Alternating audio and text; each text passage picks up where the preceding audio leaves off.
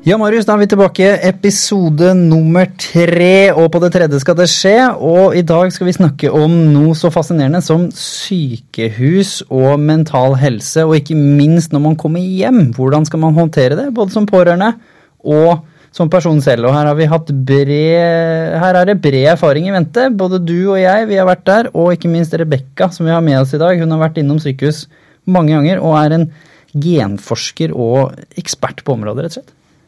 Og dette her er jo et uh, tema som bør berøre mange, fordi om man ikke har vært direkte involvert i et sykehusopphold selv, så kjenner man noen, eller man har vært pårørende, og vi skal jo nå ta for oss egentlig hele det sjiktet. Altså hvordan, hvordan er det på sykehuset, hvordan er det for de pårørende, og hvordan er det kanskje da når man er ferdig med sykehuset? For det er jo en egen prosess. Ikke minst. Og vi skal også snakke om at det er faktisk lov å få en liten smekk og en liten knekk, selv om det bare skjedde noe med hånda di eller med armen din. Det trenger ikke å være halloween-drapet for at det skal være lov å kalle det en liten psykisk knekk. Første gang du blir sykemeldt i to måneder og du kanskje ikke helt håndterer dette her, det er faktisk viktig å ta det opp og snakke om det. Og dette her kommer jo til å høres uh, fryktelig brutalt ut når jeg sier det som jeg sier det nå, men uh, veldig ofte så har man jo også godt av å få en liten trøkk, en karamell. For man lærer jo veldig mye av det. Både som den personen som eventuelt får trøkken, men også de pårørende. Alle rundt. Man lærer jo mye av det. For det er jo ikke noe tvil om at du var jo tjukkere i huet før det skjedde. Jeg var veldig mye tjukkere i huet før det skjedde, og det tror jeg veldig mange rundt meg var også, faktisk. Og det betyr jo Det, det fører oss inn på bl.a. galgenhumor, som vi også skal prate litt om i dag. Hvordan vi skal få vinklet dette her inn. Vi skal jo snakke om egentlig ganske tunge ting, men det blir jo ikke kjedelig og trist av den grunn. Jeg gleder meg. Så dere veit hva dere må gjøre, folkens. Det er bare å trykke på play. Da var vi her igjen, da, Marius. Episode nummer tre. Er ikke da det skal skje? Det, alle gode ting er tre. Dette her tror jeg blir en, dette tror jeg blir en veldig spennende episode. Ja, fordi det, nå skal vi virkelig ta for oss en av de tinga som Dette er vel litt kontroversielt, er det ikke det? Jo, det vil jeg absolutt si. Hevder vi nå at uh, mental helse ikke er prioritert på sykehus? Er det liksom en av utgangspunktene vi skal diskutere i dag? Ja, I hvert fall hvis vi utvider spennet litt og lar det bli uh, både på sykehus, men hva skjer etter sykehuset, da? Man kommer jo forhåpentligvis ut av det og skal opp på beina og ta tak i livet sitt. Og ikke minst, nå skal vi jo få høre litt mer av din eh, bakgrunn og din tøffe historie. fordi i episode 1 og 2 så var vi jo bare, svingte vi jo bare innom. Men nå kommer vi jo litt mer i dybden hos deg òg. Jeg har eh, gått og traska en eh, måned sammenhengende på Ullevål, jeg. Så det gir meg i hvert fall litt ansiennitet når det gjelder å være en del av sykehussystemet i så måte. Ja, og jeg skal fortelle litt om sykehuset i utlandet og hvor dårlig engelsken din blir når du har vondt. Og ikke minst, vi har med oss gjesten over alle gjester. For en gangs skyld så har vi med oss noen som er mer podkastvant enn du og jeg er vant til noe som helst, egentlig.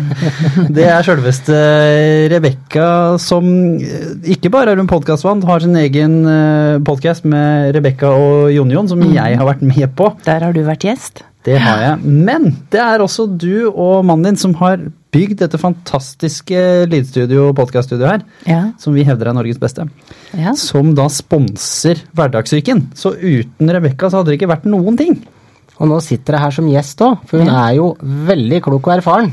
Og har vært mye på sykehus og er både en ekspert og erfaring. Så i dag er du offisielt schizofren.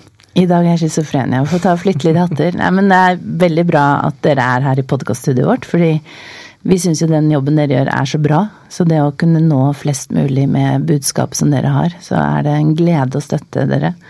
Eh, og I tillegg så er det Man kan jo nesten lure på om jeg har invitert meg selv som gjest, men jeg er jo faktisk blitt invitert av dere.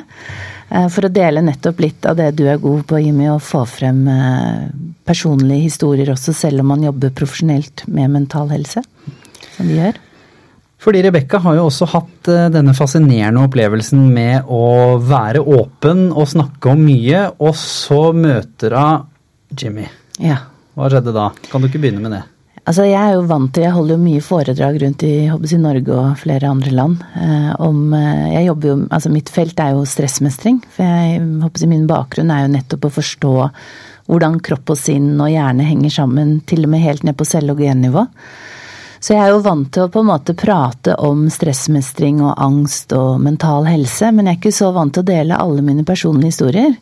Men når jeg kom til deg, så er jo du rågod på å stille spørsmål, så før jeg var ute av ditt eh, domene, så hadde jeg jo lagt ut og fortalt om eh, både når jeg var tolv år og opplevde ganske dramatiske eh, sykehusopplevelser ved at noe som egentlig da var en vanlig blindtarm, egentlig endte opp med at hjertet stoppet opp, og som da fulgte masse hva skal jeg si, langvarig sykdom. Fordi man, når man får betennelse i hele kroppen, så er det mye som skjer. Og ikke minst også senere, da jeg som 19-åring fikk brystkreft. Men du fikk meg jo til å fortelle litt hvordan jeg kom meg gjennom det, og hvordan det føltes sånne ting. Så, så, eh, jeg vet ikke hvor mye du skal få meg til å si i dag, men eh, det får vi se. altså når Marius og jeg eh, får gjester, så, så går de alltid ut med å ha sagt et eller annet de ikke har sagt før. Er det ikke sånn, Marius? Jo, men jeg føler det forumet her, det, her er det rom for alt ifra latter og tårer og det som måtte være. Så det er ganske høy takhøyde. og det, det, er vel litt av grunnkonseptet vårt. Mm. Ja, i, i, forrige episode, i episode to, så fikk vi jo en, en, vi begge to ser opp til. En skikkelig tøffere av de tøffe. til Han gråt, han. Mm. Mm. Det var helt magisk. Ja. Ja. Men la oss snakke om eh, det vi skal snakke om, da. Det er jo sykehusopphold. Så Marius, kan ikke, kan ikke du rett og slett fortelle oss hvordan var det å være på sykehus? Og, og, du fortalte jo i intervjuet hos oss i The Human Aspect, så sa du at det var jo ikke det fysiske som var problemet. fordi Ullevål har gode rutiner, sa du, og så skrøt du veldig mye av dem. Men så kom det et men.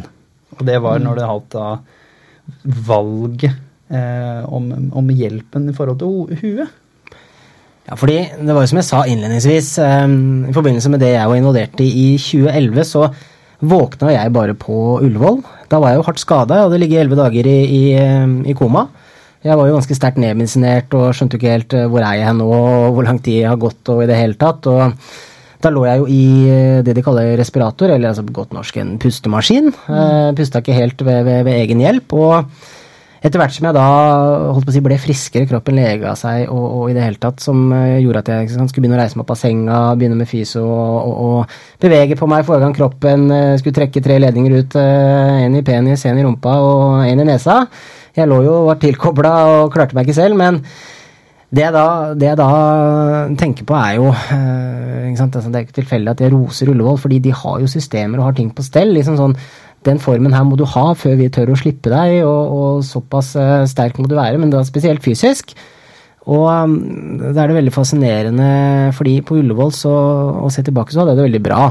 Uh, de er kompetente, og de har masse forskjellige mennesker, og du kan si velge hvem er det du har best kommunikasjon med og, og kjemi, men det som da venter etterpå, det er jo der det store mennet kommer. Og det gjelder jo ikke bare meg, det gjelder jo alle pårørende. altså når store omveltninger skjer, og man får en sånn radikal forandring, og livet blir snudd rett opp og ned på hodet, så, så, så er det noe med det at jeg var jo da i en sånn mellomkategori. Jeg følte at jeg var for traumatisert til å prate med kanskje den standard psykologen, men samtidig så følte jeg det at jeg, jeg har jo ikke akkurat øh, hva skal jeg si, rett til å prate med de øverste psykiaterne, og hvor stor sak skal man gjøre dette her? Og det er jo ting jeg brenner litt for den dag i dag, at uh, mennesker som fordi motgang kan være så mangt, og det kan være på så mange forskjellige nivåer. Bare man har vært på sykehuset og, og brekt uh, beinet, så, så, kan jo det skape ganske alvorlige traumer. La oss si at man har vært tidligere fotballspiller. da. Karriereslutt. Det kan være at man aldri får foten helt i orden igjen. Altså, det er så mange grader, og det er derfor det er så viktig. fordi vi, vi, ønsker jo ikke å være på sykehuset lenger enn vi må. Det er et sunnhetstegn at man vil ut av sykehuset, men hva er det egentlig som skjer når vi forlater da de fire veggene og den sykehusklokka som tikker, og kanskje gul maling og mm. i det hele tatt, da?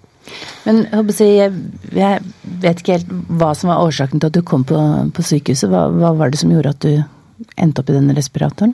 Nei, jeg hadde, jeg hadde vært involvert i det media kaller um, halloween-drapet, um, som skjedde i 2011. og Veldig raskt fortalt så, så, hadde jeg tatt imot uh, eh, 20 knivstikk mot uh, overkroppen. Mm. Bl.a. blant annet i hjerte, lunge og lever. Jeg hadde litt brudd på skallen, jeg hadde noe avrevne pulsårer.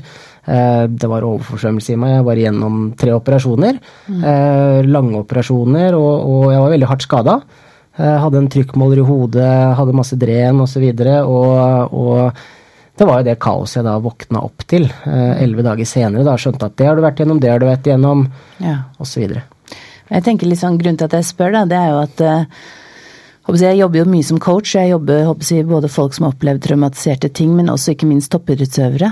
Og litt som jeg tenker at sykehus eh, bør være gode på, og jeg holder mye foredrag for sykepleiere og leger, det er jo at vi er jo alle forskjellige. Og vi opplever forskjellige ting, så det hva du hadde opplevd på forhånd, eh, tenker jeg også er veldig viktig når man skal velge hva slags oppfølging du skal få videre også når du forlater sykehuset. Sånn som når jeg f.eks. har en toppidrettsøver som kanskje har eh, kjørt utfor i alpinbakken. Det første jeg gjør, er å ta han eller hun inn på mitt kontor, og så jobber vi oss gjennom den traumatiserte opplevelsen, så at det ikke får satt seg et minne i kroppen. Så du kan si, jeg tror det er viktig at man ikke kan kjøre alle gjennom samme system, men det at du som har opplevd noe så ekstremt skal sitte og lure på skal jeg til psykologen eller psykiateren og slike ting? Da, da er jo ikke hjelpen der. Altså Du skal slippe å tenke på det når du har vært gjennom en sånn opplevelse. Og, ja, samtidig så vet jeg at uh, Marius, du har snakka om viktigheten av selvbestemmelse. Fordi en ting er at man skal kanskje ikke tenke på det, du, du skal få noen tilbud, og vi bor jo i Norge som i utgangspunktet skal ha hele støttestrukturen. Men hvor viktig syns du det er å få lov å bestemme litt av dette sjøl, da? Og bli spurt. Hva tror du du trenger nå? Tror du du trenger å snakke om det som har skjedd, eller tror du at du trenger å snakke om det monsteret du ser i speilet? Og Det er et veldig bra spørsmål, eh, Jimmy. Fordi det, det jeg kanskje tror jeg aller mest savna, det var vel eh, hva er samlingspunktet i midten her? Mm. er det, altså Hvis du går til fastlegen din, så, så er det første han eller henne tenker at ok, hvilket område holdt på å si, sogner du til? Nå hørtes jeg gammel ut, men hvor er det du tilhører? Hvilke alternativer er det vi har her? Ventetid, ok, nå hadde jeg et ganske alvorlig traume, så jeg slapp å vente så lenge. Jeg ble jo dytta fram i køen, men da er jo det første steget er jo psykolog, ikke sant. Altså en, en kommunepsykolog. Og, og ikke noe galt i det, men jeg kan jo se tilbake nå og tenke det at den dagen jeg møtte en psykiater f.eks., som var mye mer konsekvent med meg altså Jeg møtte jo Lars Weiseth, han er jo professor i psykiatri og et levende leksikon. Eh, hjelpe seg for en klok mann, men det var så deilig da å, å, å få den derre statistikken på ting. Det var det jeg trengte å høre. Fordi at jeg hadde mareritt, det visste jeg om. Og at det var en del av bearbeidelsen, det skjønte jeg også at ok, make sense, kroppen skal lege seg og hile seg selv. Men bare det at noen tør å komme med en statistikk som sier at jeg tipper fem år, så er du ordentlig på beina. Da er du litt sterkere enn før. Du du, trenger, du trenger det håpet, og du kan si det er derfor jeg tenker det ene er å se hver enkeltperson. Altså fordi det er noe av det som er kanskje tøft i samfunnet. Det er at alle ønsker å på en måte bli sett og anerkjent for den de er. Vi blir sett veldig mye på Instagram og Facebook, men virkelig blir sett av folk når man går gjennom tøffe tak. Og jeg tenker sånn, jeg var jo leder på et kreftsenter i noen år. At vi som på en måte vet ofte hva som skjer med en person som f.eks. går gjennom en, en cellegift- og strålebehandling, da vet vi at ca. et halvt år til to år etter at du er ferdig behandlet, så kommer denne berømte fatigen, altså utbrentheten. Jeg tenker det er viktig, sånn som du sier med psykiateren, som vet hva som skjer. Men, men som også, som også eh, kan gi deg det håpet å si at om fem år så er du på bena igjen. Altså Man trenger det håpet da, å se frem til. Så kombinasjonen å se enkeltmennesket, men også kombinere med fagkompetanse, tror jeg er kjempeviktig. Og så skal vi mm, få tvunget eh, av profesjonellhatten til eh, Rebekka. Så schizofrenien er på.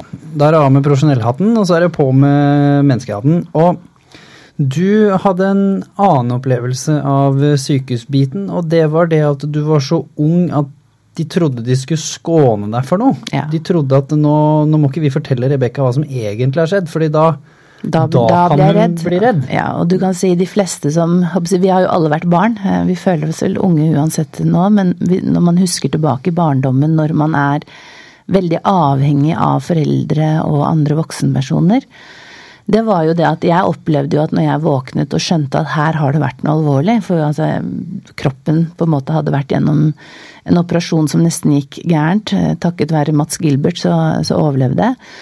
Eh, og du kan si det veldig mange voksne tror, er at ved å skåne barna, så gjør de noe bra, men de legger egentlig et dobbelt press på barna. Eh, for enten om du selv er pasient eller faktisk pårørende til en syk person, så senser barna det. Altså, det det er, egentlig veldig naturlig. Til og med hvis du ser i dyreverden, så vil alltid barna på en måte sense hva som skjer med de voksne. Så det at når man prøver å skåne for et barn, som i mitt tilfelle at, at, jeg faktisk holdt på å miste livet. Eh, og så skal vi late som dette var helt vanlig, dette var helt greit, og du har verk, og du må på en måte kutte opp operasjonsåret igjen for å få ut verket og, og sånne ting.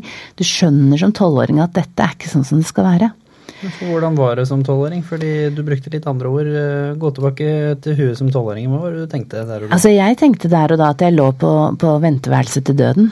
Fordi jeg ble jo da liksom iakttatt og såkalt ivaretatt. Eh, men, men jeg kom jo da på rom med den andre jenta, altså Lise, som, som også var veldig alvorlig eh, skadet etter en ulykke, og som jeg delte jo i, i eh, filmen hos dere i, The Human Aspect at jeg opplevde å ligge som tolvåring på et mørkt rom, helt hva skal jeg si, bundet til sengen, bokstavelig talt. Jeg hadde alt intravenøst, var ikke i stand til å stå opp. Og ligger og hører på pusten til Lise og hører at hun slutter å puste. Og jeg kom ikke engang, jeg klarte ikke engang å dra i den snoren du skal gjøre for å liksom, liksom få en sykepleier til å komme. Så det å ligge der har jo på en måte traumatisert meg mer enn at hjertet mitt stoppet, mer enn at jeg har hatt kreft senere. Det som jeg, jeg, klarer den dag i dag, jeg blir 48 år i morgen, jeg klarer den dag i dag ikke ligge i et mørkt rom og ikke høre noen puste, uten at jeg da får angst. Ja, fordi det var det som skjedde når jeg lå på dette venteværelset, eh, eller altså jeg vet ikke engang hvor jeg var, men altså jeg skulle jo egentlig bli passet på. Og det at de til og med da når denne vakre Lise ikke overlevde den natten. For det er sånn som jeg fortalte, hun hadde en sånn hårflette som hun hadde tatt vare på i skuffen. Så når de da liksom til slutt tok henne ut, som føltes som en evighet Jeg lå der og, og liksom hver gang hun egentlig skulle ha pustet, så hørte jeg at hun ikke pustet. Og det var liksom ingen som kom inn. De trodde sikkert vi lå og sov, da.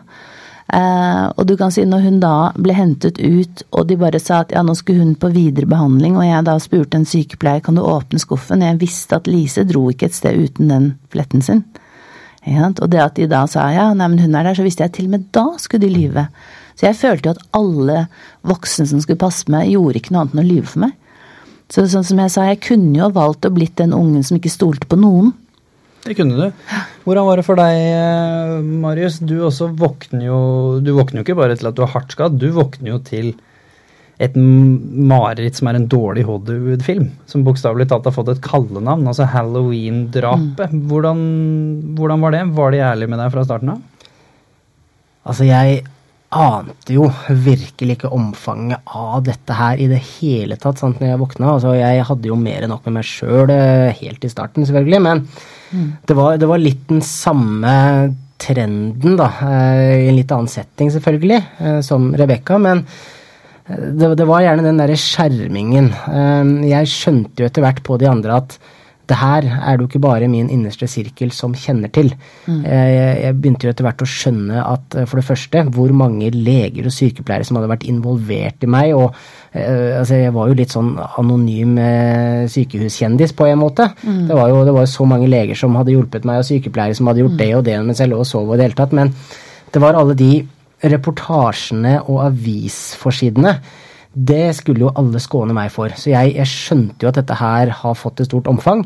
Men alt jeg ville, det var sånn Kan du gi meg den forbaska framsida til VG? Jeg vil se hvordan dette ser ut. Jeg vil se ja. hvordan hvordan ettermælet vårt har blitt av dette her. Jeg vil vite hva folk skriver. Mm. Og, og, og da, da, gjorde jo det at jeg hadde en haug med spørsmål. Og, og um, den derre hindringen av informasjon, det, jo, det ble jo egentlig bare til at når jeg da først fikk tilgang, jeg fikk da låne telefonen til søstera mi, så var det å google meg selv til det kjedsommelige, bare for at nå skulle jeg lese alt. Jeg vil vite alt. Så det i seg selv, eh, med å hindre informasjon og ikke bare være ærlig. Mm. Jeg, tror, jeg, tror, man Og jeg syns det er så fascinerende hvordan eventuelt altså Her var det jo like mye min nærmeste familie og venner som gjorde det. Det er jo ikke de sykehusansatte som tar en vurdering. Det her ble bare en sånn generell holdning mm. Mm. til at man skal skjerme folk som kanskje har det kjipt. Ja. Men jeg mener jo da at altså, menneskesinnet er såpass mye sterkere enn som så. Og, og igjen, som sant, du sier, Rebekka, når man er tolv år, man mm. skjønner veldig mye. Man skjønner mye. hva som skjer, og man skjønner når folk flakker med blikket ikke sant? når man stiller spørsmål. Og jeg tenker også det du sier, at det er en haug med leger, for det var jo sånn som jeg også opplevde etter hvert at det var liksom ni leger som hadde vært på en måte og sjekket meg på alle mulige rare måter. Um, både håper jeg, noe før operasjonen, men også etterpå. Så litt den følelsen at noen har vært inni kroppen din. Altså du har, liksom, du har på en måte ligget der på operasjonsbordet, og folk kommer nesten Altså, du hadde jo på en måte en ekstrem situasjon. Jeg hadde på en måte, jeg kom i en hva skal jeg si, ulykkessituasjon fordi de ikke skjønte hvor alvorlig det var, og blindtarmen sprakk. Men den der følelsen av å være litt sånn på sirkus, sånn at til og med liksom legene kommer og syns det er litt interessant ikke sant, å se på dette barnet som faktisk overlevde noen egentlig ikke skulle, og, og det å ikke vite hvilke hender som har vært inni deg. altså Jeg husker jeg fikk litt sånn følelsen at når alle var sånn ikke ærlige, da. Eh, for de ville kanskje ikke være uærlige, men de var heller ikke ærlige. Ikke og det å tie syns jeg på en måte Jeg reagerer veldig folk, hvis folk på en måte Det å tie og ikke si noe, det er like ille som å å si, nesten komme en hvit løgn. Og, og, det å på en måte tro at vi er så dumme der når vi ligger der faktisk og ser døden i hvitøyet, da, da er vi ganske skjerpet av instinkt. Så jeg tror vi på en måte sanser ting enda sterkere når man har vært gjennom en sånn traumatisk opplevelse. Og da ser du veldig tydelig hvem som på en måte eh, er uærlig. Og jeg, noe av det jeg fortsatt ikke klarer i dag, det er når folk kommer og sier ja, hvordan har vi det i dag? Jeg reagerer sånn på vi. Altså, du aner ikke hvordan jeg har det. Eh, så den derre vi-følelsen også, når de ikke engang er ærlige Det har vært bedre hvis de har vært ærlige, og så kan vi si at ok, nå er vi et team, og nå skal vi få deg gjennom dagen. Men liksom den derre fordummingen da, som man kan føle at man eh, opplever når man ligger der, den, den er ikke noe særlig bra å bære med seg. Det var morsomt du toucher på det, fordi jeg var uh, i Nepal, og i, i, Nepal på den reisen vi var på, på en ekskursjon oppe i fjellene i Nepal, og jobbet mm. for uh, eh, MAM, Medical Aid Mountaineering, som, som, reiser da opp i Nepal. Langt vekk fra der det fins eh, sykehus, for å, å, ha med seg sykepleiere og leger, og rett og slett gi uh, hjelpende behandling og lære opp de lokale. Og så for å prøve å gjøre en lang historie kort, så, så fant man en, en, baby der oppe som var alvorlig skadd, og vi fikk flydd inn et helikopter til langt oppi der og lagde en storstilt uh, liten redningsaksjon via Facebook fra satellittelefonen i Norge og fikk betalt for dette her og wow. mye Texas. Fikk den babyen ned til sykehus, og så, når vi kom ned fra fjellet, så skulle vi selvfølgelig besøke denne babyen for å se hvor, mm. liksom, hvordan det hadde gått. Det var en veldig hyggelig historie da, husker jeg. Kom vi inn der, så lå babyen der. Og så har du disse berømte veggene, disse pappveggene med glass på toppen, sant, som skiller sengene. Men det er helt åpent over, og alle hører og ser hva som foregår. Og jeg er jo ganske høy, jeg var 1,90. Så sto jeg og så, og så så jeg da han som lå på motsatt side. Der lå det en liten gutt. Og jeg så dette bakfra, så han så jo ikke meg, så jeg så han liksom fra siden. Og foran den lille gutten så sto det da sju leger, fordi dette var i den fattige delen av Katmandu. Så det var et såkalt eh, universitetssykehus, et opplæringssykehus. Så de hadde jo med seg masse folk som skulle lære, sant. Og alle var borte og tok på han. Alle disse legene, og gutten lå der som en helt, ikke sant. Så ut som han var åtte år for meg, sånn cirka. Og så ser du familien, de sitter liksom forskremt borti hjørnet, og jeg skjønner at dette er jo en fattig familie, ser du litt på måten klærne de har på, og de har tingene med seg i en pose og liksom. Og så går de ut, Familien hans går ned, og de orker jo ikke mer av dette maset her, sikkert. Og så står legene og jobber, og så går legene en liten stund. Nå tror den lille gutten at han er alene. Han ser ikke at jeg ser ham bakfra. Og så begynner han å gråte. Mm. Og så tenker jeg for meg sjøl der jeg står Er det sånn det skal være? Er det, liksom, det er jo ingen som spurte den gutten om hvordan han har det, eller hvordan det var å bli tatt på og trykka ja, på det magen. sånn, Det er sånn jeg kan kjenne på den derre følelsen å bli litt sånn invadert. Og du kan si det er klart at også før operasjonen, når de ikke fant ut hva som var gærent med meg ikke sant? Altså Jeg var tolv år og hadde liksom masse leger som måtte ta gynekologisk undersøkelse fordi de var redde for at det var et eller annet annet. Og som tolv år, og du på en måte er jeg, så jomfruelig som det er mulig, så er det ganske mye invasjon på kroppen.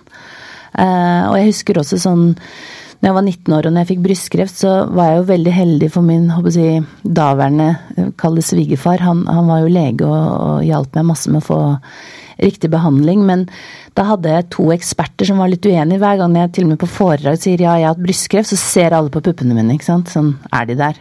Og så noen ganger når de ser veldig mye, så sier jeg ja, begge puppene er der. Men det var en stor diskusjon, fordi det er han ene spesialisten han husker jeg når jeg kom på Ullevål en gang, han bare la meg på et bord og sa, spurte om det var greit at det var en del medisinstudenter her, og så tok han liksom eh, ba meg om å ta på overkroppen, og så begynte de å tegne på venstre bryst og hvor de skulle liksom skjære.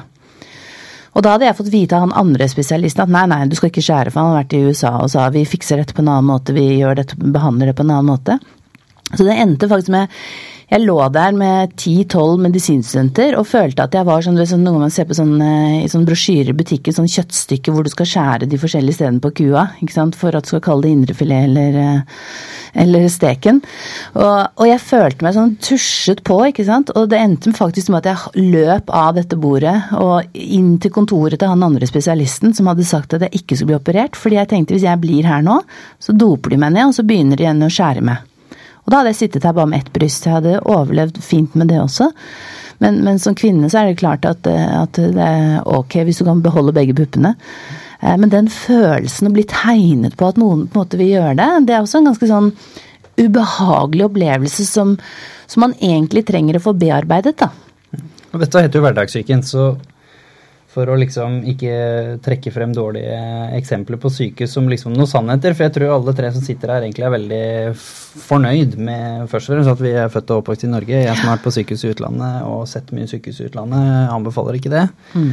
Det er litt sånn som på de dårlige europeiske reklamene hvor det liksom uh, Is it, uh, is it uh, right? Yeah. yes, yes, right, no, left. Og så skjærer de bort feil bein, sant. Det kan være litt sånn. Så hvordan håndterer vi det her da, når vi, når vi, kommer hjem? For da er vi litt tilbake på hele poenget med hverdagssyken. Og det er jo problemet med at vi snakker jo ikke om ting. Nå kommer jo Tøffe-Marius hjem, han.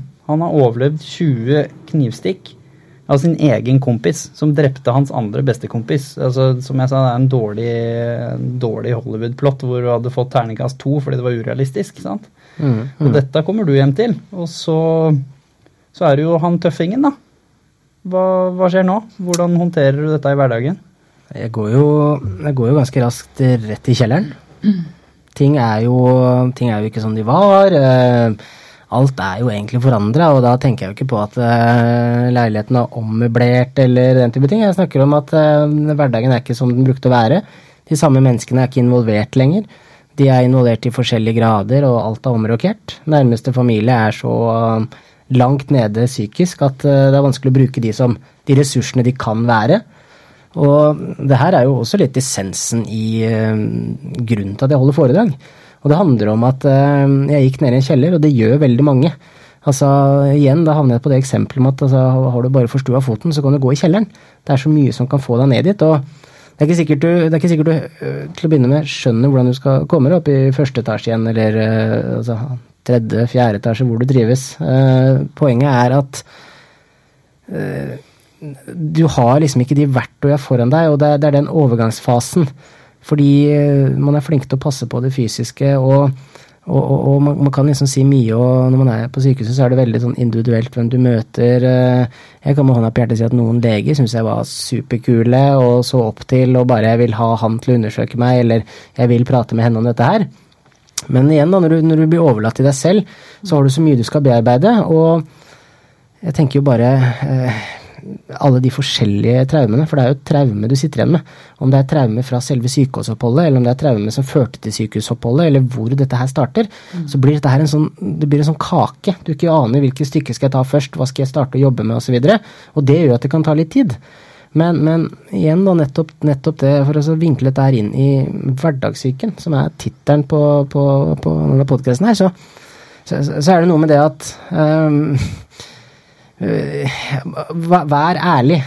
På sykehuset så kan vi i det minste da forberede deg mer mentalt på hva som venter deg når du kommer hjem, for de forbereder deg fysisk. Men å kunne forberede deg på at du kommer til å ligge og gråte noen netter, Eh, ikke være så redd for å komme med noe statistikk. Begynne å samle all den feedbacken, for den finnes der ute. Mm. Og, og, den her vet, eh, vet altså De profesjonelle, enten det er psykiater eller psykologer, eller de har statistikk. Det kan man begynne å bruke på sykehuset. Forbered personen som skal ut på at ok, dette her kommer til å bli komplisert, dette kommer til å være lettere. Her har du noen konkrete ting. Og igjen, det handler jo om at man vil bare altså Dit vi har kommet, da, eh, når det kommer til altså, alt vi vet om uh, folkehelse, alt vi vet uh, via leger og sykepleiere i det hele tatt, så har man jo mye statistikker. Så jeg mener at uh, det er i hvert fall mulig å sette ting i et system og forklare, for man vil ha noen rammer. Det var alt jeg savna. Noen rammer. Der kom det litt annerledes for, for meg når jeg knuste ryggen i Singapore. Da var jo jeg så heldig at jeg var på det som går for å være et av verdens beste sykehus. Altså som teknologisk sett, rutinemessig sett og kompetansemessig sett et av de beste sykehusene som eksisterer på jordkloden. Og jeg havna og ble operert av en av de som går for å være verdens beste nevrokirurger. Liksom lederen for nevrokirurgforeningen i verden. Mm. Doktor professor eh, Po som, eh, som behandla meg. All good på den fysiske siden. Jeg kommer inn der, 27 år, hele min identitet knytta til idrettsgutten. Idrettsaktive karen som ingen klarer å løpe fra eller holde, og han setter seg jo aldri ned. sånn. Kommer jeg inn der, og sitter der i 40 timer. Hatt vondt i beinet og ryggen. Jeg hadde jo da, et eller annet skjedde med ryggen min som gjorde at beinet, høyrebeinet mitt fungerte ikke. De visste ikke hva det var, de trodde det var knekt. Jeg fikk litt informasjon om ditt, litt om datt, og det surra rundt i det der sykehuset der da i 40 timer. Så jeg har akkurat kommet fram og fått beskjed om at du har knust ryggvirvelskiva di. Og nervene ned i høyrebeinet ditt er kutta. Dette ser ikke helt bra ut. Du må ha operasjon, og det er sånn røffelig regna ingen som har kommet tilbake fra den skaden her. Og vi har aldri hatt noen som er under 50. Så hei, du er jo ungkar, så dette går sikkert fint. Og så fikk det helt motsatt effekt for meg, fordi statistikken var så negativ. sant? Mens hvis jeg hadde fått en litt mer sånn som du sier, da, kanskje en statistikk hvor de sa at liksom, det tar i hvert fall fem år da, før nervene gror. Så det kan hende at du føler at du ikke gjør fremgang, og at dette ikke ordner seg, men plutselig om fem år så har det ordna seg. Sånn at ikke du forventer og Jeg er jo ikke kjent for å være tålmodig sånn egentlig som person. Så det er klart at femårsperspektivet mitt uh, må stappes inn i huet mitt. Det er ikke noe som som jeg kan finne ut av sjøl. At jeg bare Å ja, men det tar jo fem år. Da, da koser vi oss de første to månedene. Det går fint, det. Så når jeg reiste meg opp da første gang etter operasjon, husker jeg, og skulle gå ti meter med korsett etter at jeg hadde ligget noen dager i sykehussenga Og jeg var jo aleine også, ikke familie, ingenting, for jeg var jo i Singapore. Og så tar det 30 sekunder å gå noen få meter.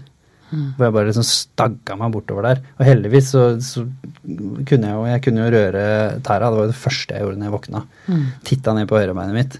Det derre grusomme teppet ikke sant? Ja. du har over beina når du våkner fra sånne operasjoner. Det derre ja. tunge, udugelige teppet der. Og så flytter du på tæra, og så ser du at det, det bevega seg bitte lite grann. Mm. Og du bare åh, oh, yes. Men så kommer du hjem, da. Og liksom rekorden min den gangen da, på eh, tre kilometer var sånn røffelig regna ni minutter. Og så skulle jeg gjøre det igjen. Da noen uker etterpå skulle jeg gå med korsrett tre kilometer akkurat. Og da husker jeg at jeg brukte 1 time og 37 minutter. Ja. Det var helt absurd. Og det inni hodet mitt, da, det tegna jo gapet, sant. Ja. Her er du nå.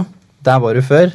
Og med min syke og litt sånn positive fighterinnstilling, så var jeg sånn ja, men da har vi en liten jobb å gjøre. Ja. Jo, men det er litt sånn, jeg tenker det som er viktig, da, og som du også, Marius, sa, at når man skal få statistikken, da, så er det jo litt sånn timing, ikke sant. Og ja til den statistikken som gir håp. Fordi sånn som jeg også sa når du intervjuet meg sist, var at så lenge det er håp, for det er noe av det jeg lærte i min opplevelse, så lenge du får noe håp, så er det utrolig hva kroppen din kan få til. Men hvis det ser håpløst ut, så blir man så sliten. Og, og, du kan si det som er når man er på sykehus altså Jeg jobber jo med stress hele tiden. Mange tror stress bare er mentalt, men når du går gjennom en så heavy operasjon, så er og det samme som når jeg våkner om morgenen, så våkner jeg med smerter. Så jeg har stress selv om jeg er stressmester hver morgen fordi kroppen min gjør vondt. Og, og, da på en måte blir alt litt vanskeligere på en måte å, å takle. Så håp. Og du kan si jeg driver jo og formidler forskning i, i, mine foredrag, og da sier jeg at hvis jeg snakker om noe som høres skummelt ut for publikum, så sier jeg slapp av, for jeg snakker kun om der hvor jeg også kan snakke om hvordan forskning kan hjelpe deg. Og det samme med statistikken. ikke? Det å på en måte komme statistikk som, som, ja, gir et åpent på en måte eh, bilde av at du kommer til å gråte noen netter, du kommer til å slite litt, kanskje det tar fem år, men at man legger frem statistikken sånn at det faktisk skal gi håp til pasienten.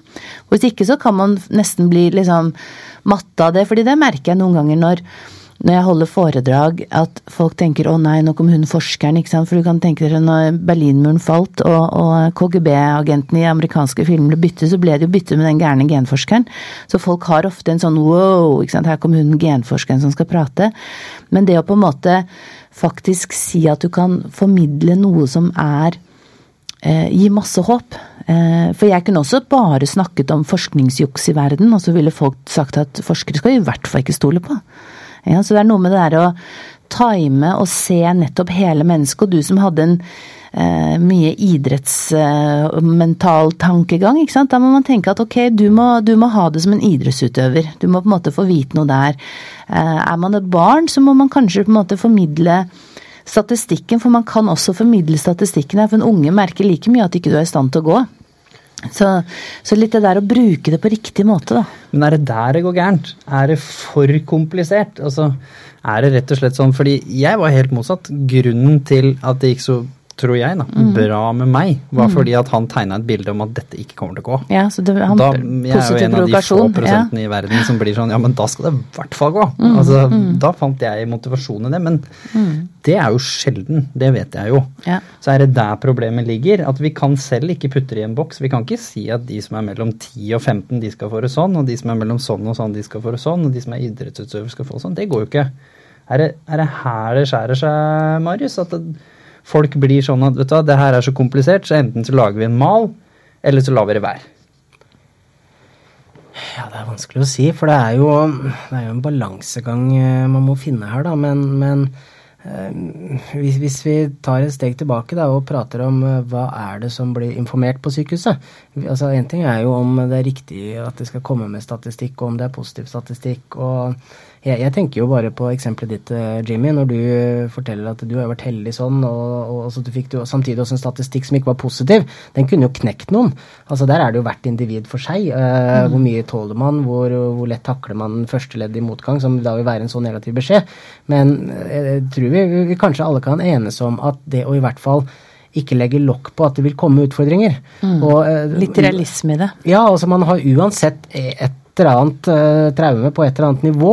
Det vil man uansett ha, for det har jo skjedd en omveltning, og, og man får om ikke annet et sjokk eh, og noe å forholde seg til.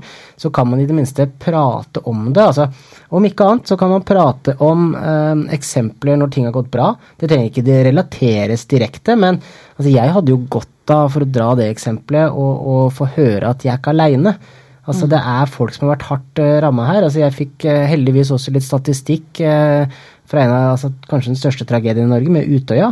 Jeg fikk jo ganske fersk statistikk derifra, siden det bare var noen måneder i forveien, hvor det var veldig hardt skadde mennesker som kom innom, og alle gikk det ikke bra med, og så gikk det bra med veldig mange også. Men bare det å ikke føle seg aleine.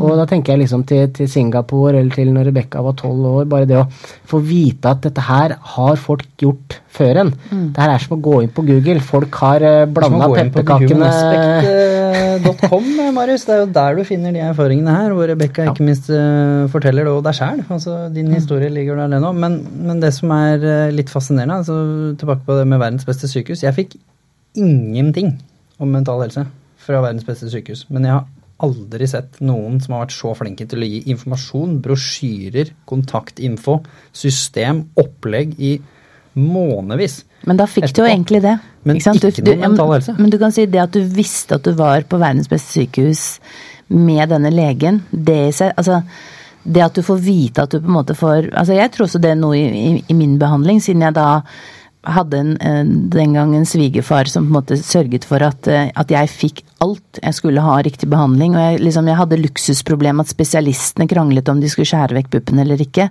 Altså senere når jeg hadde brystkreft. Og du kan si det, det å vite at du er i så gode hender, gir jo også håp. Ikke sant?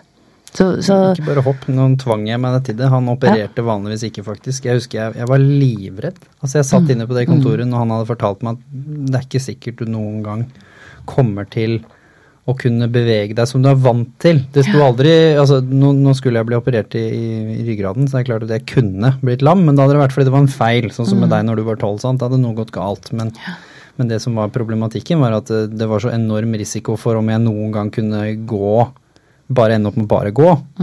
Og ikke jogge, ikke løpe, ikke noen ting. Eller i hvert fall da miste den Min livsglede var jo, var jo idrett. Og så sa, så sa han liksom ja, det er han her skal operere, det er kollegaen min og sånn. Så han, for han her er jo professor, så han var en gammel mann. Så husker jeg jeg sugde litt sånn pent tak i skulderen hans, og dette var jo Singapore. Så han, han var jo han var en del mindre enn Marius Ja, på venstre bare- flanke her. ja. Så jeg hadde et ganske godt tak rundt skulderen til gamlefar her. Ja. Og så sa jeg, og så han rett inn i øya, og han så nok hvor redd jeg var. Og jeg sa ingen andre enn deg rører ryggen min. Og der er du inne på noe kjempeviktig som faktisk forskningen viser. At hvis du har tillit mellom behandleren eller hjelperen og den som skal bli hjulpet, så får du faktisk veldig mye bedre resultater. Så noen ganger når jeg har leger på, på workshop, så er det faktisk dette med kommunikasjon. Eh, og jeg har jo på en måte vært vel bevandret i kreftlandskapet og har mange klienter som er kreftpasienter, og det tipset jeg alltid sier til dem hvis de skal gjennom en ekstremt alvorlig operasjon, eller noen kanskje må få behandling fordi de er det man kaller terminale pasienter, så for dem så er det liksom det å kunne leve lengst mulig. Så sier jeg få den relasjonen, ikke sant. Grip tak i den skulderen, liksom som du forteller nå. Eh, ta deg tid, ikke sant. La den personen se deg som menneske, og ikke bare som pasient nummer 200. Altså at du faktisk får den relasjonen. Og det er jo på en måte, relasjonsstress er jo noe av det som er det tøffeste stress å bære. altså Det som fører til det man kaller negativ stress. ikke sant? Så det å på en måte, det, den skulderen der, ikke sant, heng deg fast. Og det samme sier jeg til klientene mine. Heng deg fast, ta den praten. Vis til legen at du går ikke ut før dere har planlagt operasjonen. ikke sant? Enten om det er hjerneoperasjon eller det er øyeoperasjon. Så gjør sånn at den legen husker deg. Fordi da vil altså den personen i relasjonen og følelsen av at legen ser deg, og kommer og på en måte behandler deg, det gir masse eh, viktige ting. Så vi tar for oss eh, to ting her. Altså, sånn, hva, hva skal vi, før vi liksom nærmer oss eh, slutten her, altså, For de fleste da, så er det jo ikke in the end of the day bare det profesjonelle nettverket som, som er de som hjelper til her. Det er jo de som er rundt deg. sant? Og dette er jo hverdagssyken. Så de fleste heldigvis opplever verken eh, dårlig halloween-filmopplevelse eller å knuse ryggen, eller kreft, selv om det er veldig mange som opplever kreft, og det vet jo du. Men de som er hjemme og som er rundt deg, da, hva, hva kan vi dele her i dag som, som gjør at alle de som hører på, som garantert har noen som har gått gjennom en traume, kanskje kan være hakket bedre next of kin, eller pårørende? for det det er jo antagelig der jobben starta, for det var mitt største problem. Jeg var i Singapore helt aleine. Det var ingen som kom ned dit heller. Fordi jeg var så dum i huet at jeg ikke fortalte dem hvor ille det var, for jeg skulle skåne dem. Ja. Akkurat som legene skulle skåne dere Ja. så gjorde jeg mine venner og kjente og familie til dårlige venner, kjente og familie, fordi jeg fortalte dem aldri hvor alvorlig det var. Mm. Det var sånn jeg gjorde når jeg hadde kreft òg. Liksom, det tok mange år. Folk fikk sjokk når de fikk vite når jeg som leder på dette kreftsenteret liksom fortalte at jeg hadde hatt kreft. De bare what? Trodde bare du hadde en liten kul som ikke var noe farlig, liksom? Så ja, nei, altså, Marius, hva Du hadde jo en opplevelse. Du sa jo at uh, her var jo dine pårørende traumatisert, men uh, når de til slutt eh, kom seg, da, eller var det noen som gjorde noe som hjalp virkelig? Hvor du vil trekke fram at det kan være en god idé å, å gjøre? Altså, absolutt. Um, noe man alltid må huske på, eller bør ha, ha klart for seg, det er at de rundt deg har ikke nødvendigvis noe mer erfaring i å stå i det du står i, enn du har selv. Um, og der kan man trekke inn mange ting som er viktig, men først og fremst så, så vil jeg jo si hvis du eksempel, hvis du vil være en bra pårørende, så, så går det like mye på å se andre pårørende. Jeg ble veldig rørt over at uh, det var flere, flere av vennene mine som hadde tatt seg av familien min, som hadde sett dem oppi alt dette her, og ikke sant, altså fått de på bena. Fordi man, man, man, er jo veldig opptatt av å beskytte sine nærmeste, og det, ikke sant, er vi tilbake på Vi har prata om at uh, karer lokker seg inne, skal være den store sterke. Som igjen da for meg var en sånn parallell. altså Jeg brydde meg veldig om hvordan går det med familien, hvordan går det med de andre vennene mine. Jeg er sterkere enn som så, sånn tenkte jo jeg. men der finner vi også f.eks. en tung historie, hvor viktig det kan være å tørre for eksempel, å bruke litt humor. Mm. Eh, det kan være galgenhumor. Eh, nå er det ikke sånn at jeg oppfordrer folk til å være standup-komikere når de opplever noe kjipt, men det er noe i det, og der finner man eh, og det er liksom, Man finner det hos alle ja. uh, altså, yrkesgrupper da, som jobber med mennesker i ekstreme tilfeller. De har uh, en viss humor. Det blir som, eh, som f.eks. Simen Almås også forklarte at uh, i, i de to foregående episodene Han velger også å dytte noe til side. Han kan ikke la alt gå innpå seg. På mm. samme måte er det med humor viktig. og der er metaforen Du spiser ikke middag, så begynner du bare å gafle i deg alt. Du tar liksom en bit av det, en bit av det, skyller ned med vann. Der kan humor være med å lette, fordi det er veldig, veldig vanlig at det er tungt å stå rundt folk som, eh, som har opplevd noe kjipt, for du vet ikke hvordan du best kan bistå. Og, eh, men så vil jeg skyte inn én ting. Det vi prata om nå i stad, med den tilliten du skaper, mm. er ikke det altså Er det et hormon, det derre Oksytocin. Oksytocin, ja. Det er som lages i hypofysen. Ikke sant? Ja. Og det er, jo, det er, jo, på en måte både ved berøring, så du kan si når jeg har disse legene på kurs og sykepleiere, så lærer jeg dem håper jeg, trikset som til og med Obama da han var president lærte på Stanford University. Altså hvordan du kan ta på folk. Uh, og at du trigger da oksytocin, som er godfølelsehormonet nå tar Marius på meg, det var ja. virkelig deilig. Ja, vi, vi, har, vi, vi, lager et nytt selskap nå som heter nettopp Empower, for hun snakker om uh, det der med kunne på en måte ha, mestre sitt eget liv og ta kontroll. Uh, og når jeg ofte snakker med ledelser i sykehus, så er det det at pasienten trenger empowerment, altså følelsen av kontroll over sin egen helse og hvor veien går, men også helsepersonell, for de er så presset på tid og ressurser, så de knekker jo sammen en etter en etter hvert, de også. Så det der å faktisk gi, når du sier oksytocin, det gagner både pasienten, men også legen og sykepleieren, fordi det er noe begge får. Er ikke det Dette her har jo jeg bare Google er fantastisk, dere. Ja. Eh, men er ikke dette her litt av det samme som frigjøres når du blir eh, forelska? Det er når du blir forelsket, er til og med når du får orgasme. Altså det er virkelig når du altså Man snakker jo ofte om endorfiner, men oksytocin lages da Det er da en av de hva skal si, små kjertlene. Det er, det er faktisk eh, sjefen over alle sjefer og kjertler som på en måte Og det er jo hormonene som får oss til å føle. Og det skjer oppi hodet. Og der hvor man ser maksimal på en måte oksytocinproduksjon, det er når en mor sitter og ammer barnet sitt. Så det er på en måte en forsikring at de på en måte syns det er så kult at dette lille barnet faktisk overlever. Så du kan si det er, eh, det er, utrolig hva man kan trigge, og det er jo noe av det vi lærer folk i den nye utdannelsen vi har. Det er de små triksene som gjør at pasienten vil føle at du bare er kjempehyggelig, men egentlig så har du drevet med litt gen, eh, genmanipulasjon og hjernemanipulasjon, og da hormonnivå. Og det tror jeg personlig, fra mitt faglige ståsted, kan være med å hjelpe folk nettopp når de kommer hjem. For vi kommer til å lære frisører og negledesignere og massører og hva det måtte være, å gjøre dette her. Fordi når folk er ferdig på sykehuset og Jeg satt selv jeg, med i generalsekretariatet til Kreftforeningen, og denne berømte samhandlingsreformen kom, som egentlig godt oversatt betyr du blir sendt raskest mulig hjem fra sykehuset, og så sitter du der i kommunen din eh, og blir ganske ensom. Eh, så vi trenger, hva skal vi si, vi trenger de gode naboene. Vi trenger pårørende som, som faktisk kan eh, hjelpe. Og når du sa i sted, Jimmy, i forhold til hva kan pårørende eh, gjøre? Altså, mitt råd er alltid sånn Finn flokken rundt deg. ikke sant? Det med galgenhumor. Jeg støtter deg maksimalt på akkurat det punktet. Fordi man ser når folk har ting, så er det galgenhumor. Det er sånn når du ikke vet om du bare skal gi opp og gråte, eller så kan du dra frem galgenhumoren. Men så har man forskjellig. Noen er gode på å lage mat. Noen er gode på å bare sitte ved siden av deg når du ser på, på TV. Noen er gode på å gå en tur med deg.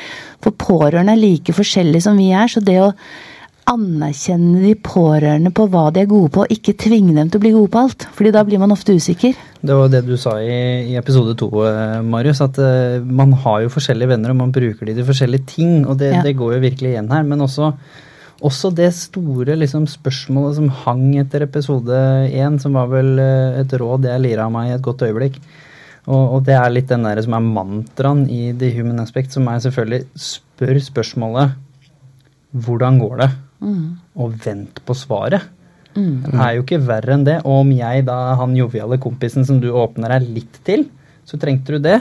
Om det er da den gode venninna hvor du veit at her er det trygt å åpne seg superåpent, så, så gjør du det. Så, så da får du liksom den naturlige gangen òg. Da er det ingen som blir tvunget til noe som helst. Ja. Og det å bruke folk til forskjellige ting. Men én ting før vi ruller inn håndkleet her, fordi det er så typisk at man bare tenker på Enten så har vi familie, eller så har vi psykiatrien. Så tenker vi ikke på noe annet. Og her svingte du innom litt negledesignere og massører, og i det hele tatt, og vi vet jo at dere på Livslyst og Motivasjonen her på senteret også tilbyr forskjellige former for behandling, og jeg har hatt veldig positiv eh, erfaring med å gå til en fysisk behandler og snakke med dem. Fordi han er eksepsjonelt dyktig. Eh, Andy er veldig god til å se det holistiske bildet, og han har skjønt og, og mener jo for lenge siden at det selvfølgelig henger sammen, som du snakket om i stad. Stress i hodet, stress i kroppen. Ja. Så kanskje liksom det er en sånn fin mellomvei, fordi jeg var han ene fysioterapeuten jeg hadde i Singapore. Jeg var jo fysioterapi, jeg, jeg hadde jo behandling eh, åtte ganger i uka, så jeg var jo litt eh, innom der. Og han ene var veldig flink til å slå av en liten prat og høre litt Ja. hvordan det gikk. Og, den, og du kan si det som er bra med det, og sånn som det vi gjør med Empower, der har altså studentene våre som vi starter i januar, det vil være sykepleiere, det vil være negledesignere, det vil være makeupartister. Eh, det vil være altså folk som er der hvor folk er etter at de er ute av sykehuset. Og det som er viktig, er at folk må slippe å føle at de blir syke av å prate, eh, enten det er om litt tunge ting, eller at de kanskje har lyst til å si, bare ha en godprat. Fordi jeg pleier å si at som et råd, hvis, hvis du er pårørende til en som går gjennom tøffe ting, så kan det noen ganger være lurt å spørre har du en god eller dårlig dag i dag? Og så tar man det derfra, for noen ganger så har man en dårlig dag, og da orker man ikke all positisme, liksom at alt skal være så greit og du ser så fresh ut. Da er det faktisk greit at ikke folk sier at du ser bra ut når du føler at du ser jævlig ut fordi du kanskje har vært gjennom en kreftbehandling. Men på en god dag så kan du på en måte ta frem liksom eh, godfølelsen og kanskje ta det lille ekstra treningsprogrammet. Så det der å tørre å være mennesker på gode og dårlige dager, eh, og la pasienter som har opplevd tøffe ting, og rett og slett gå til negledesigner, eller som du sier, han Andy som er god å prate, at, at du må ikke alltid gå til en psykiater eller profesjonell coach eller hva det måtte være, for å på en måte få litt den derre godfølelsen, og da oksytocinet som skrur seg på. Ja, Fins det på blå resept? For det burde vi jo Ja. Oksytocin på blå resept. Du gjør ikke det, Nei, altså, de Ønsker meg det til jul. Nei, altså, men, men ja, det som er litt fint. Og, og her i hverdagssyken så er det jo også viktig for oss å liksom fortelle om spekteret. Vi har venner og familie, og så har vi The Human Aspect, Livserfaringsbiblioteket. Vi har Marius sine foredrag, vi har Simen Almås, vi har bloggen til med Anette Marie som var med i, i episode én. Vi har Sindre som skriver flotte historier i VG overalt og ingen plass, som er inspirasjon til å jobbe med seg sjøl. Og så har vi også selvfølgelig da liksom med, med livslyst og motivasjon, som tilbyr forskjellige former for behandlinger. Vi har Andy. Og så kommer vi også opp til det profesjonelle systemet. Og man trenger alt. Man gjør det. Men vanligvis så har man jo ikke de traumatiske eh, hendelsene som du sier, fordi som du sier da, i hverdagssyken det er lov å få en liten psykisk knekk bare fordi man må være sykemeldt for første gang i livet i to måneder òg. Ja, Det tror jeg er kjempeviktig, for du kan si sånn som alle vi tre har jo egentlig opplevd ganske ekstreme ting. Eh, og, og det jeg selv på en måte jobbet med meg selv, men også forteller mine klienter som har opplevd tøffe ting, er at når en som, eh, som du sier, kanskje blir litt sykemeldt, eller noen som lurer på om de har fått migrene for de har så ofte hodepine Altså For dem så er det kjempestort. Og så liksom Noen ganger tenker jeg at du skulle bare visst hva jeg har smerter i kroppen. ikke sant? Så det er noe med det at vi som på en måte har vært gjennom såpass tøffe ting, også på en måte lar Kari og Ola, som på en måte ikke har opplevd så tøffe ting, altså de føler nok ikke så mye kanskje frykten og angsten som vi noen ganger bare har blitt tvunget på, men, men, men, men det er lov å på en måte føle hva skal jeg si, litt eh, frustrasjon og angst, selv om det ikke er så ekstreme situasjoner. Men, men det er en sånn balansegang der.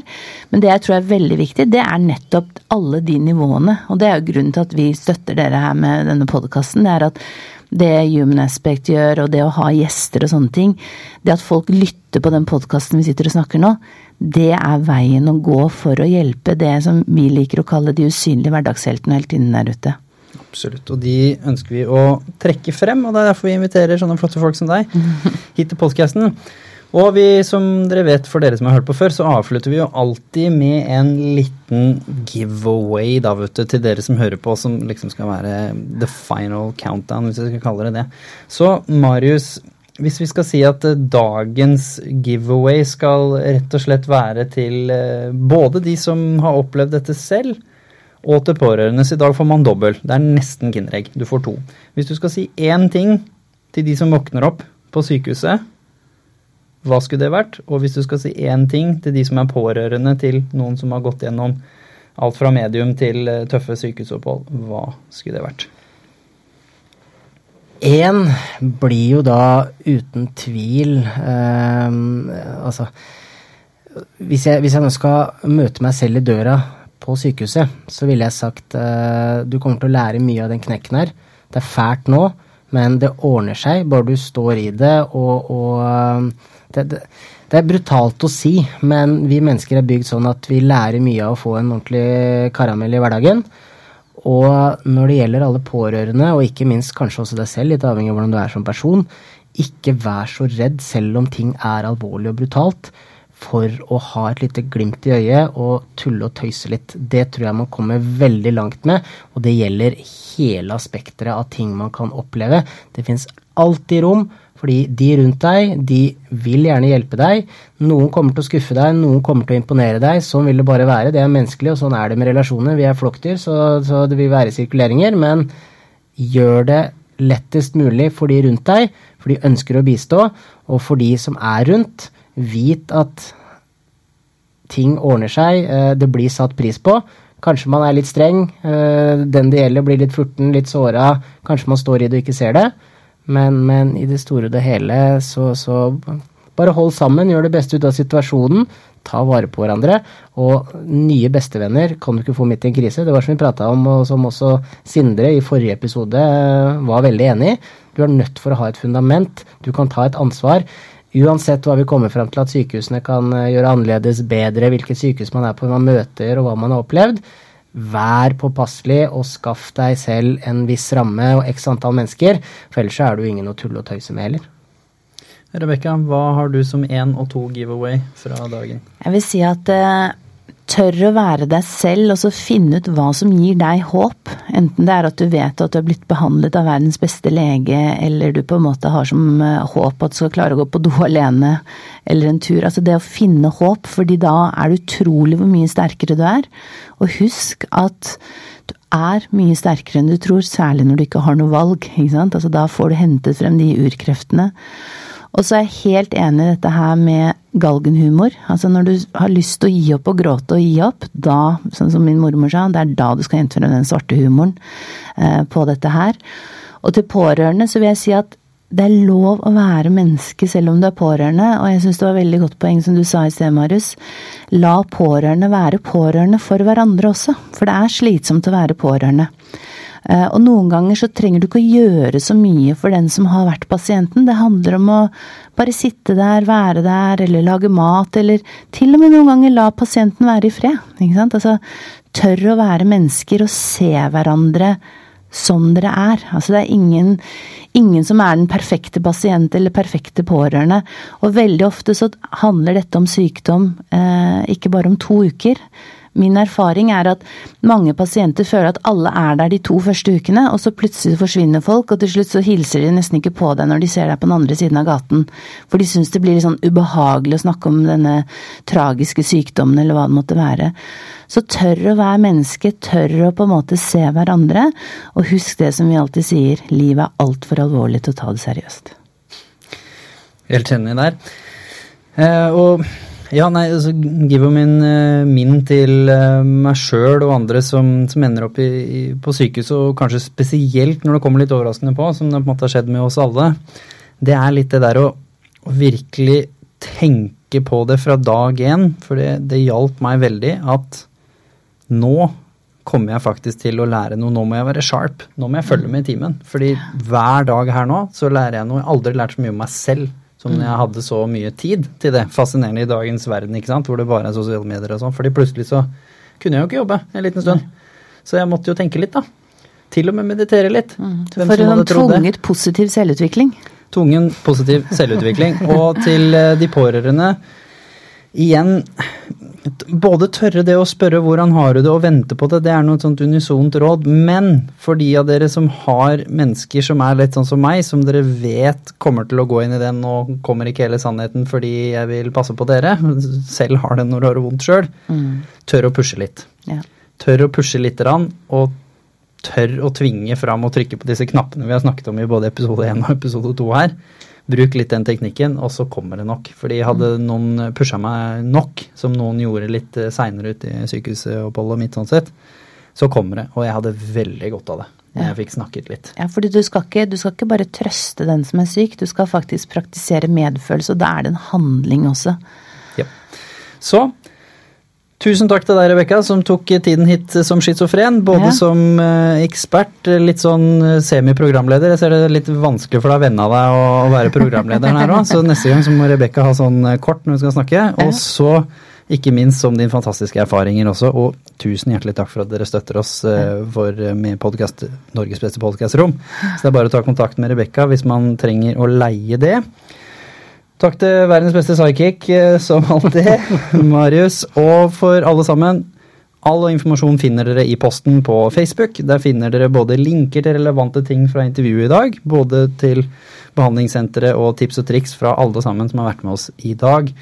Og selvfølgelig Livserfaringsbiblioteket. Der finner dere både Rebekkas historie og Marius sin historie, og min. Og ikke minst hundrevis av andre som kan være et godt utgangspunkt å starte å se at dere er ikke alene. Det var Hverdagssyken, episode nummer tre. Gleder oss til å ha dere med neste gang.